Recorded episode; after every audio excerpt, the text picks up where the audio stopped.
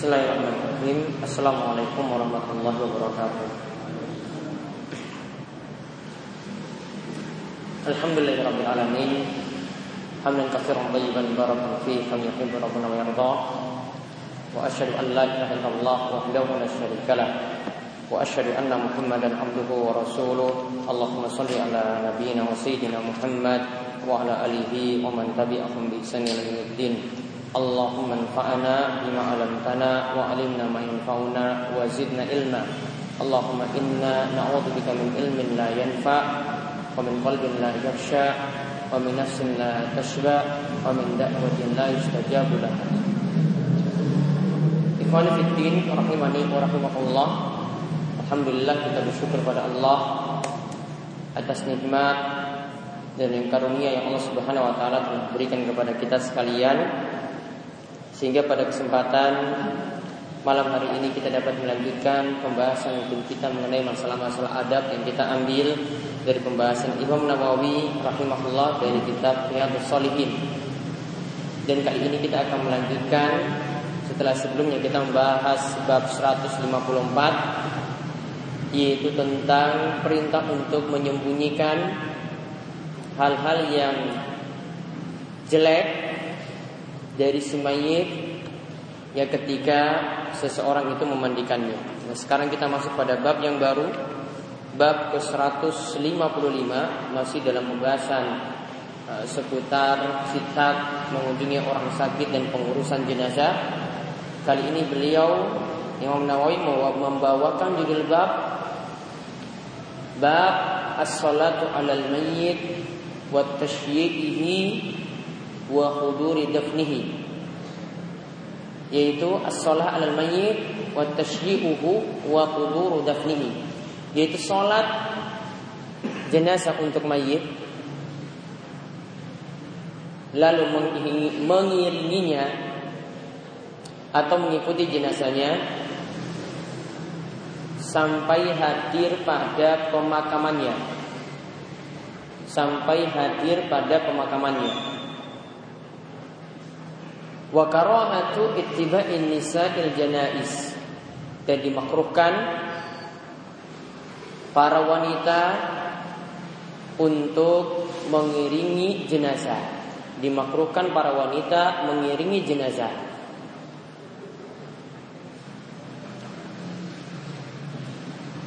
Adapun tentang masalah tasyyi ya kata Imam Nawawi ini sudah jelaskan sebelumnya. Ya, sekarang kita lihat ya tentang hadis-hadis yang disebutkan dalam bab ini. Yaitu hadis nomor 930 dari Abu Hurairah radhiyallahu anhu. Ia berkata bahwasanya Rasulullah sallallahu alaihi wasallam bersabda man syahidal janazata hatta yusall hatta yusalla 'alaiha falahu qirat Siapa yang menghadiri jenazah sampai dia menyolatinya maka dia mendapatkan pahala satu qirat. Wa man syahidaha hatta tudfana falahu qiratan. Dan siapa yang menghadirinya sampai jenazah tersebut dimakamkan falau kiraton maka dia mendapatkan pahala dua kirat. Kila dan ada yang bertanya tentang wamal kiraton apa yang dimaksudkan dengan dua kirat? Maka Nabi SAW menjawab mislul jabalainil azimain. Mislul jabalainil azimain yaitu semisal dua gunung yang besar. Yaitu semisal dua gunung yang besar. Mutafakun alaih. Hadis ini diriwayatkan oleh Imam Bukhari dan Muslim.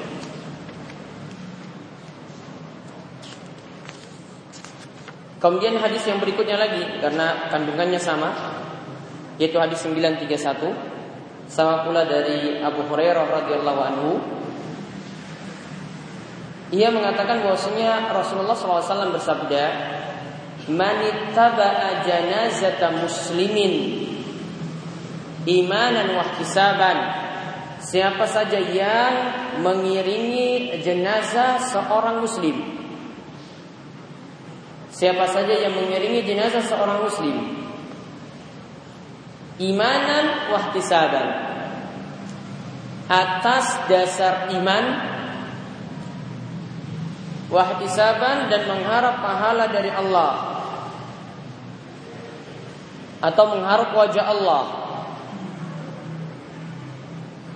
Wa kana ma'ahu hatta yusalla 'alaiha dan dia bersama dengan jenazah tersebut sampai dia menyolatinya.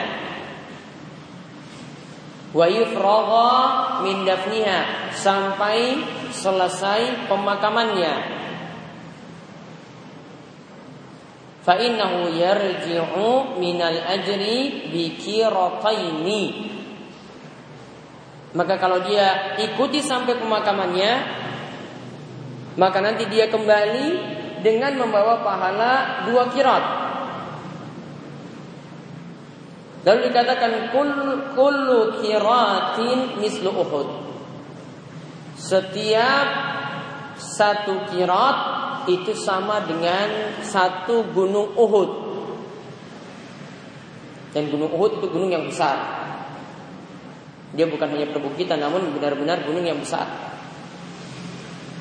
Waman sholla alaiha dan siapa yang sholat yaitu menyolati jenazah tersebut summa roja'a qabla an tudfana lalu dia kembali sebelum dimakamkan jadi dia sudah pulang dia cuma layat saja. Setelah itu dia pulang, fa yarji'u. Maka nanti dia kembali dengan membawa pahala satu kirat. Rawahul Bukhari, hadis ini diriwayatkan oleh Imam Bukhari. Dan kalau dikatakan Gunung Uhud itu kira-kira panjangnya itu ya, sampai 8 kilometer. Jadi suatu gunung yang besar. Maka kita lihat faedah dari hadis ini yang pertama tentang hukum menghadiri jenazah. Ya, tentang hukum menghadiri jenazah.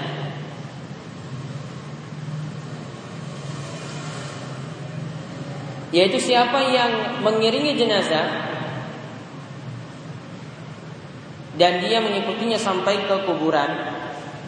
Ya di sini tentang masalah hukumnya kalau kita bahas eh, sebelumnya itu masalah memandikan. Maka memandikannya itu hukumnya fardu kifayah. Nah, sedangkan mengiringi jenazah di sini, ya sedangkan mengiringi jenazah di sini menurut jumhur ayo atau mayoritas ulama hukum mengiringi jenazah adalah sunnah. Hukum mengiringi jenazah adalah sunnah. Hal ini berdasarkan hadis dari Barra bin Azib di mana ia mengatakan amar Rasulullah SAW bitiba janais. Rasulullah SAW itu merintahkan kami untuk mengiringi jenazah. Lalu kata perintah ini menurut ijma atau kesepakatan para ulama kata perintah ini dimaknai dengan makna nadab yaitu bermakna anjuran artinya bukan wajib Sedangkan ulama Malikiyah seperti dikatakan oleh Azin bin Al-Munir, dia mengatakan bahwasanya mengiringi jenazah di sini dihukumi wajib. Namun wajibnya adalah wajib kifayah. Namun ini menyelisih pendapat jumhur yang menyatakan bahwasanya hukumnya adalah sunnah. Sedangkan ulama Hanafiyah menjelaskan keutamaannya, mereka katakan bahwasanya ittibaul janais afdalu minan nawafil. Mengiringi jenazah itu masih tetap dianggap lebih utama daripada melaksanakan sholat sunnah, daripada melaksanakan ibadah sunnah.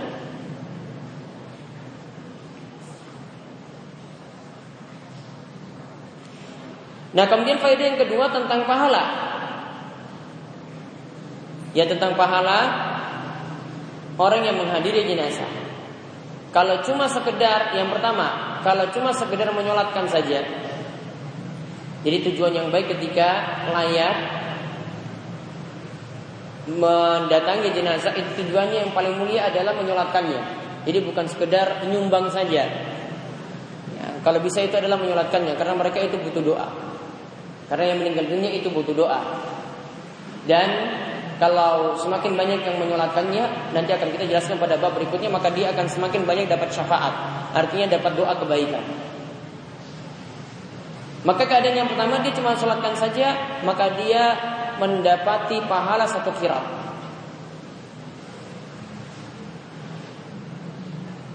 Kemudian kedua di sini menunjukkan kalau dia ngikuti sampai di pemakaman, dia sholatkan, kemudian dia ikuti sampai pemakaman, maka dia akan mendapatkan pahala kiraton dua kirat.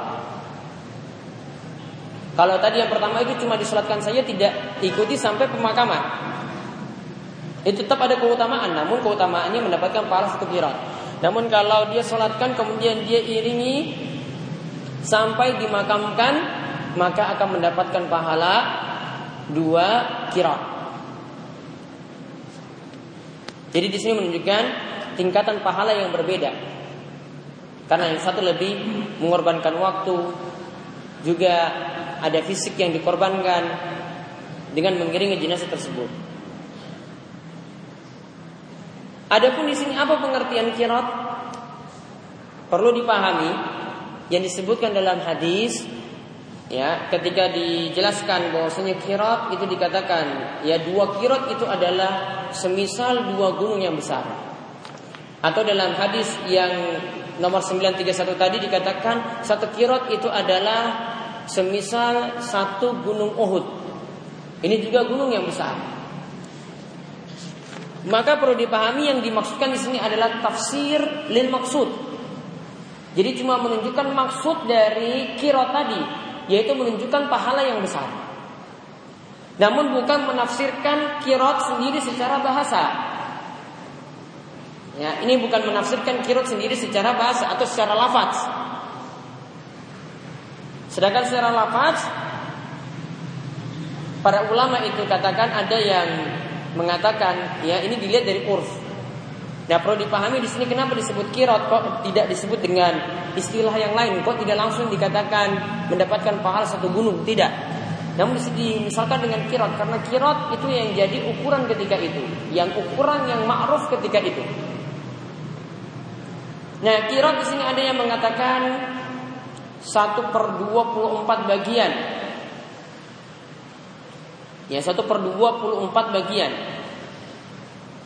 Atau ada yang mengatakan itu pokoknya satu bagian mutlak. Dan ada yang menyatakan lagi kirat seperti dikatakan oleh Ibnu Jauzi, dia menukil dari Ibnu Akil, gurunya. Ya, itu dikatakan bahwasanya satu kirat itu adalah separuh dari seperenam. Jadi seper dua belas, yaitu seper dua belas dirham. Ya kirot ini seper dua belas dirham. Atau kalau dengan dinar ini adalah separuh dari seper sepuluh, berarti satu per dua puluh dinar. Kalau dinar itu uh, dengan emas padanannya, kalau dirham itu dengan perak. Maka kalau dirham tadi satu kirot itu sama dengan seper dua belas. Kalau untuk dinar satu kirot itu sama dengan seper dua puluhnya.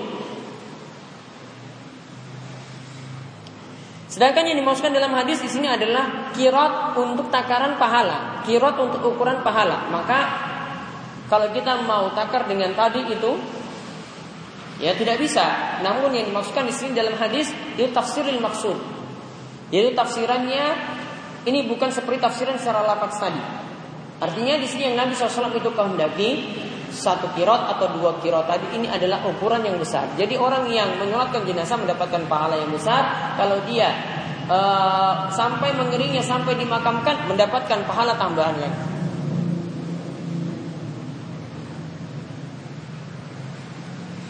Kemudian faedah yang berikutnya lagi disyaratkan untuk mendapatkan pahala kira tadi sebagaimana disebutkan dalam hadis 931 tadi dikatakan manittaba janazata muslimin imanan wa ihtisaban maka disyaratkan Dia mengiringi jenazah atas dasar iman dan harap pahala. Ya, mengiringinya jenazah, mengiringi jenazah tadi itu atas dasar iman dan mengharap pahala. Jadi bukan sekedar hadir karena ini tetangga, hadir karena ini sedulur, hadir karena ini kerabat. Atau sekedar ingin balas amalan baiknya. Dulu dia pernah layar ke tempat kita, maka sekarang kita balas. Bukan seperti itu, namun dia melakukannya karena ingin raih pahala. Tahu ini adalah bagian dari amalan soleh, dia melakukannya atas dasar iman dan dia ingin dapat pahala dari amalan tersebut. Nah, itu baru mendapatkan pahala. Sebagaimana di sini dikatakan oleh Ibnu Hajar. Ibnu Hajar mengatakan, adapun dalam hadis dikaitkan dengan kalimat iman wahtisaban, maka yang dimaksudkan di sini falabut maka yang namanya mengiringi jenazah yang mendapatkan pahala tadi disyaratkan dilakukan atas dasar iman dan rahi pahala.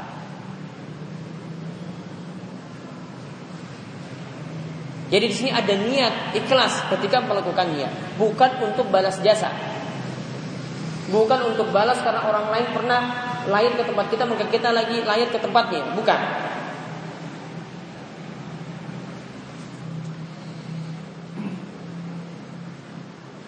Atau seperti kata Syekh Muhammad bin Shalih Utsaimin juga di sini juga bukan uh, dalam rangka mujamalah lil ahli mait.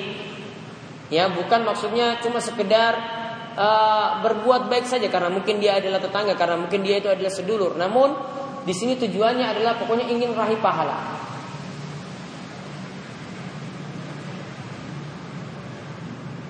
Maka intinya untuk dapat pahala satu kirot atau dapat pahala dua kirot tadi dilakukan ikhlas dengan niat dan ikhlas karena Allah Subhanahu wa taala.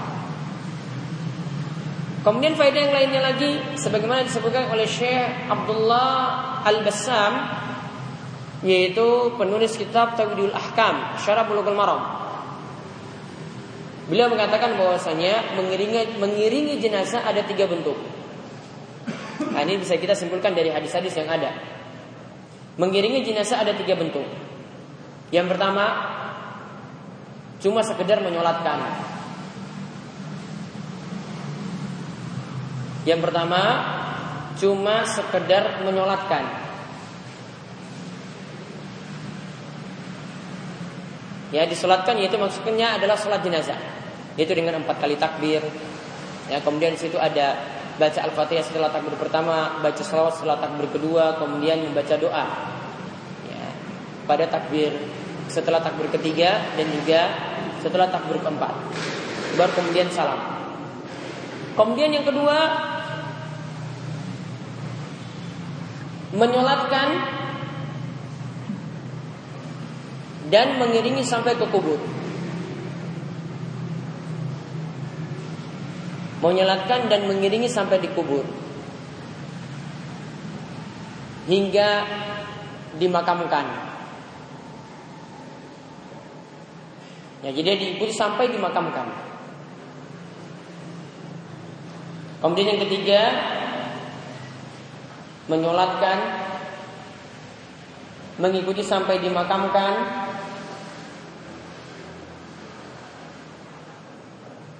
dan Ditambah lagi setelah dimakamkan dia doakan kebaikan dan ampunan untuk mayit. Ya, dia doakan kebaikan dan ampunan untuk mayit.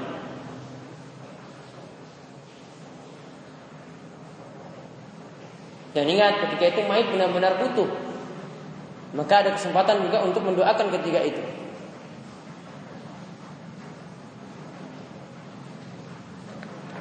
Jadi ada tiga bentuk yang ini dikatakan oleh Syekh Alil Bassam ini sebagai bentuk mengiringi jenazah.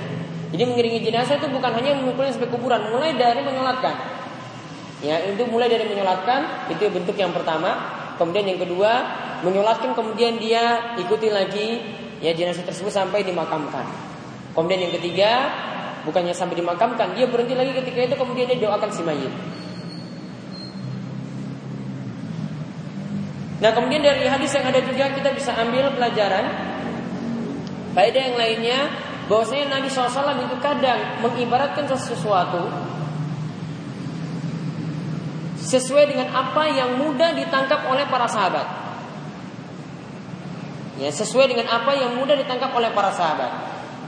Kenapa Nabi SAW tidak pakai ibarat-ibarat yang uh, yang lainnya? Kok pakai ukuran kirat?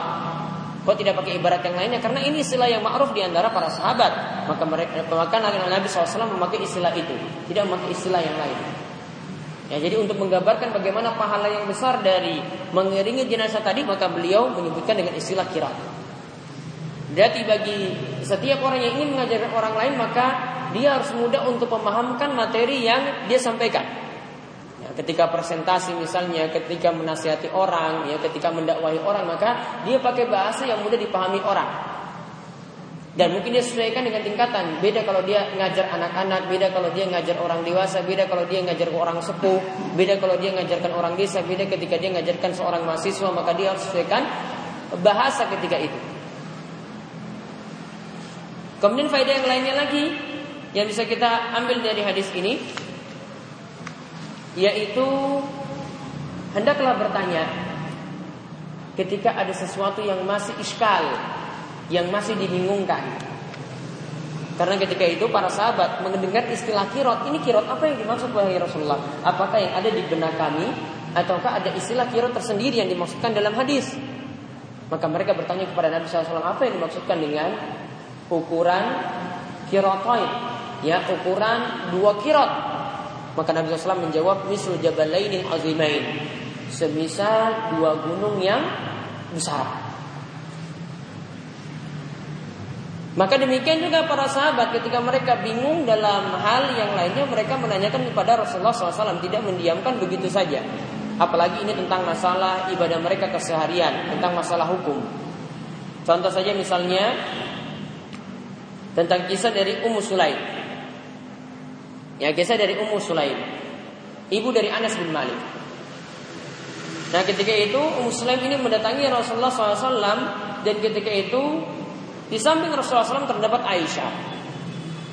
Maka saat itu Ummu Sulaim bertanya kepada Rasulullah SAW, Ya Rasulullah, al-mar'atu tara ma yara rajul fil manam. Fatar min nafsiya ma yara rajul min nafsihi. Apakah benar seorang wanita itu bisa melihat, artinya bisa mimpi basah? Sebagaimana juga yang dirasakan oleh laki-laki dalam keadaan dia tidur, dia bisa merasakan mimpi basah juga seperti itu. Maka Aisyah kemudian memotong. Aisyah itu mengatakan, "Ya Umma Sulaim, fadhahatin nisa taribat yaminu." Wahai Ummu Sulaim, ya wanita ya memang bisa seperti itu. Maka ketika itu Rasulullah SAW mengatakan kepada Aisyah, "Bal anti ya, wahai engkau Aisyah, fataribat yaminu. Ya engkau juga bisa mendapatkan seperti itu. Artinya bisa mimpi basah juga seperti itu. Naam. Faltaktasil ya Ummu Sulaim iza ra'adha. Wahai Ummu Sulaim, maka hendaklah engkau itu mandi ketika engkau melihat mimpi basah seperti itu. Jadi ketika itu Ummu Sulaim ya bertanya sesuatu yang iskal, sesuatu yang dia itu bingungkan. Apakah ini ada pada laki-laki, ini juga ada pada perempuan. Maka ketika itu Nabi SAW jawab, ya iya sama.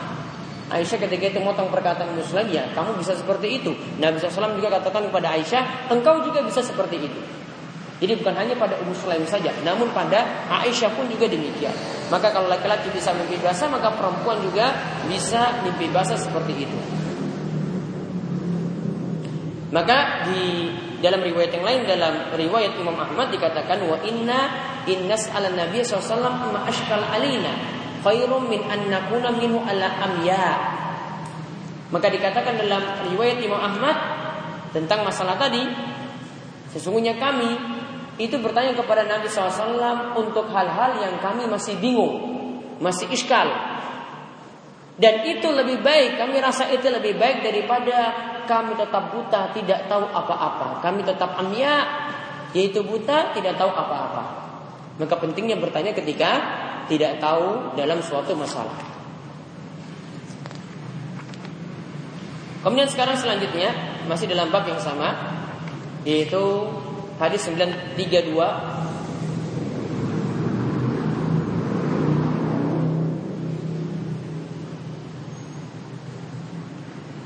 Yaitu di sini tentang masalah wanita bolehkah mengiringi jenazah sampai di pemakaman?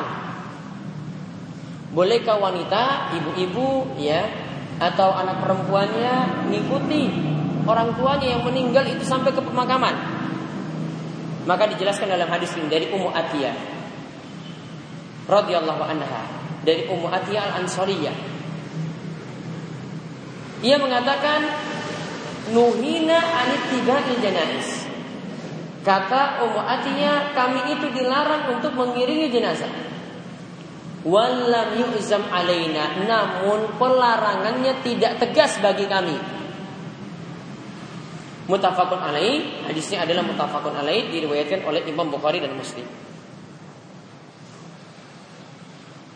Dan dimaksudkan lam yu'zam alaina tidak tegas pada kami itu maksudnya larangannya tidak tegas seperti haram. Oleh karena itu faedah yang bisa kita ambil di sini tentang masalah bolehkah wanita itu mengiringi jenazah sampai dimakamkan? Kalau ulama zahiriyah itu menganggap asalnya boleh. Namun jumhur ulama ya dan ini pendapat yang lebih tepat berdasarkan pemahaman hadis ini ya. Jadi jumhur atau mayoritas ulama berpendapat mengiringi jenazah bagi wanita hukumnya makruh. Mengiringi jenazah bagi wanita hukumnya makruh atau kita sebut dengan makruh tanzi, bukan bukan sesuatu yang diharamkan. Dan perkataan tadi walam yuzam alaina ini menurut jumhur maksud hadis tersebut ini bukan larangan tahrim, jadi bukan larangan haram. Namun larangannya apa? Larangan makruh. Atau diistilahkan dengan makruh tanzi. Tidak sampai haram. Karena Nabi SAW ketika melarangnya beliau tidak melarang dengan larangan tegas. Maka Imam Syaukani juga ia mengatakan dari Qurtubi yaitu beliau katakan tentang masalah wanita ini mengiringi jenazah Iza amana tadyi'u haqqi zawj wa tabarruz wa ma yansha'a min asyah wa nahwi dzalika fala mani'a min al-ithmi lahun jika para wanita itu tidak sampai melalaikan kewajiban kepada suaminya. Tidak sampai juga bertabarruj ketika keluar mengiringi jenazah. Tidak sampai pula berteriak-teriak saat menangis. Ya, karena biasanya wanita kalau mengiringi pun tetap dalam keadaan nangis seperti itu. Asalkan dia tidak berteriak-teriak seperti itu ketika nangis, maka fala mania minal izni lahu. Maka tidak mengapa memberikan izin kepada para wanita untuk mengiringi jenazah. Kemudian Syaukani mengatakan hadal kalam perkataan ini huwallazi yang bagi iktimaduhu fil jam'i bainal ahadis al muta'aridah. Maka perkataan ini jadi dalil penghukum ketika kita menyikapi dalil-dalil yang bertentangan dalam masalah ini. Artinya di sini yang lebih tepat dalam masalah ini tidak terlarang wanita, artinya tidak terlarang tegas, tidak terlarang haram wanita mengiringi jenazah asalkan tadi ada tiga hal di sini yang tidak boleh dilakukan. Yang pertama tidak sampai melalaikan hak suami. Kemudian yang kedua tidak sampai bertabarut berdandan ketika keluar rumah saat mengiringi jenazah. Kemudian yang ketiga tidak teriak-teriak saat nangis saat menangisi si mayit. Kalau larangan ini tidak ada, maka boleh ketika itu dia mengiringi jenazah, bahkan boleh diizinkan ketika itu.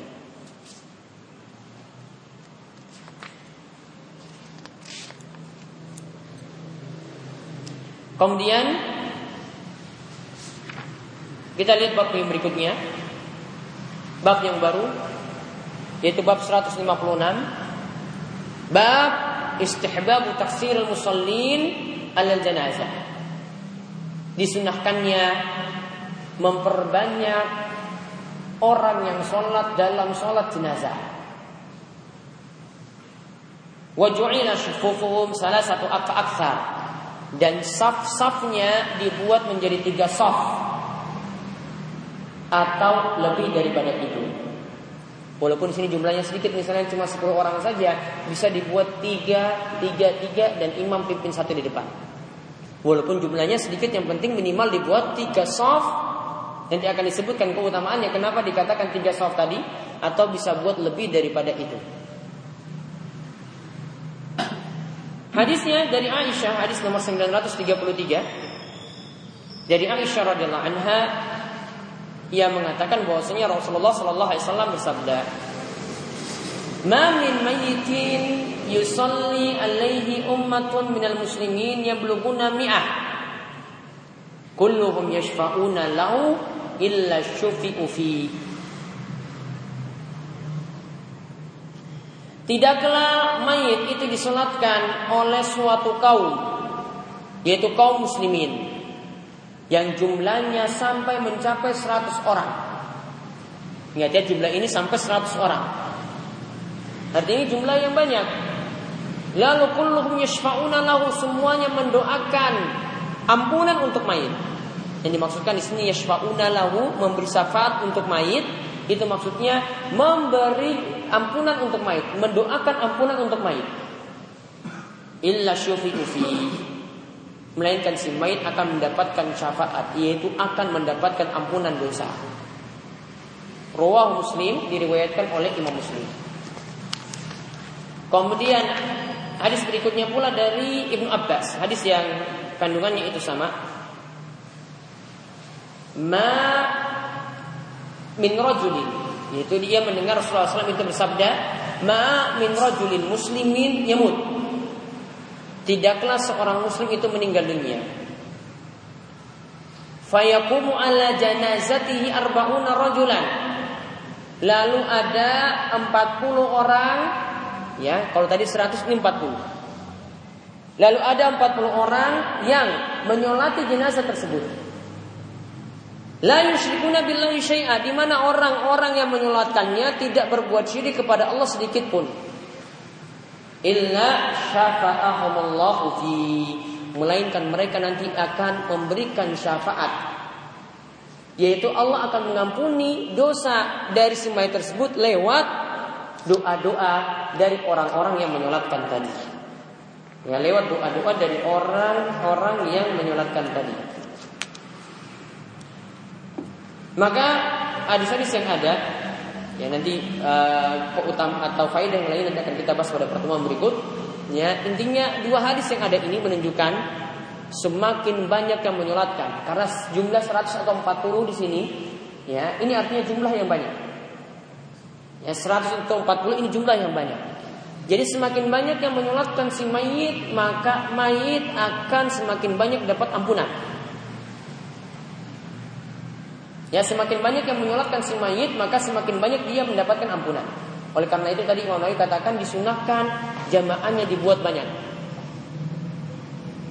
Dapat 40 atau dapat 100. Atau tadi dibuatkan menjadi tiga soft. Ya dibuatkan menjadi tiga soft. Ya atau dibuat lebih. Artinya kalau tadi ada jumlah 40 berarti dibuat 3 sop atau lebih. Ada jumlahnya 100 tadi dibuat juga 3 sop atau lebih. Nanti insya Allah penjelasannya ya tentang masalah menyelatkan tadi nanti kita akan bahas pada pertemuan berikutnya. Ya sebelum kami tutup, monggo jika ada yang tanya. Ya. Sholat jenazah boleh sendiri. Ya namun lebih afdal dilakukan secara berjamaah. Ada lagi?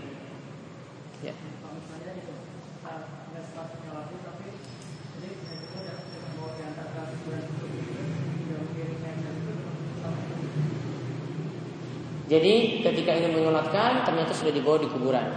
Ya, bagaimana kita menyolatkannya berarti? Ya, atau apa yang dilakukan? Ya. Boleh ketika itu kita menyolatkannya ketika dikubur. Ya, jadi di antara sholat yang bisa dikerjakan di kubur adalah sholat jenazah, sholat jenazah. Ya, ini bagi orang yang telah tadi dia boleh menyolatkan di situ. Ya, kenapa masih dibolehkan sholat ini di kubur? Padahal ada larangan sholat di kuburan. Ya karena yang namanya sholat jenazah itu tidak ada rukuk dan sujud. Rukuk dan sujud ini lebih berat. Ya. Ketika itu ada rukuk dan sujud dilakukan di kuburan ini sangat berat sekali. Namun ini tidak ada dalam sholat jenazah. Maka ini masih dibolehkan ketika dilakukan di kuburan. Ada beberapa riwayat yang menyatakan seperti itu. Ada lagi?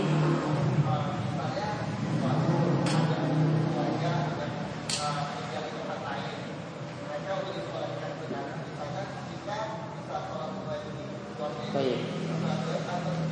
Ya, tentang masalah sholat gaib para ulama bersisi pendapat. Ya, ada yang menyatakan sholat gaib itu ada ya ketika mayitnya belum disolatkan. Ini seperti terjadi pada kasus Raja Najasi. Ketika Raja Najasi, mayitnya ketika itu belum disolatkan oleh siapa pun karena dia hidup di lingkungan non Muslim. Maka ketika itu Nabi SAW ambil inisiatif memerintahkan kepada para sahabat supaya menyolatkan goib Raja Najasi tersebut. Namun kalau sudah disolatkan maka tidak. Pendapat yang mengatakan tetap disolatkan ada sholat goib ketika itu dan ada pendapat yang lainnya lagi yang katakan kalau sholat goib ini dibolehkan untuk tokoh-tokoh besar dalam agama ini. Misalnya ada seorang ulama meninggal dunia, maka kita boleh sholat goib ya untuk kematian ulama tersebut. Ya, namun kalau untuk tokoh untuk orang-orang yang lainnya yang bukan tokoh tidak termasuk. Ya, walau alam pendapat yang lebih tepat, pendapat yang pertama yang nyatakan sholat goib itu ada ketika mayat tersebut belum disolatkan sama sekali. Inilah yang terjadi pada kasus Raja Najasi tadi. Wallahu a'lam bishawab. Ini yang kami sampaikan mudah-mudahan bermanfaat. Bila setiap kalian doa kafaratul majelis subhanakallahumma bihamdika asyhadu an la ilaha illa anta astaghfiruka wa atubu ilaik. Assalamualaikum warahmatullahi wabarakatuh.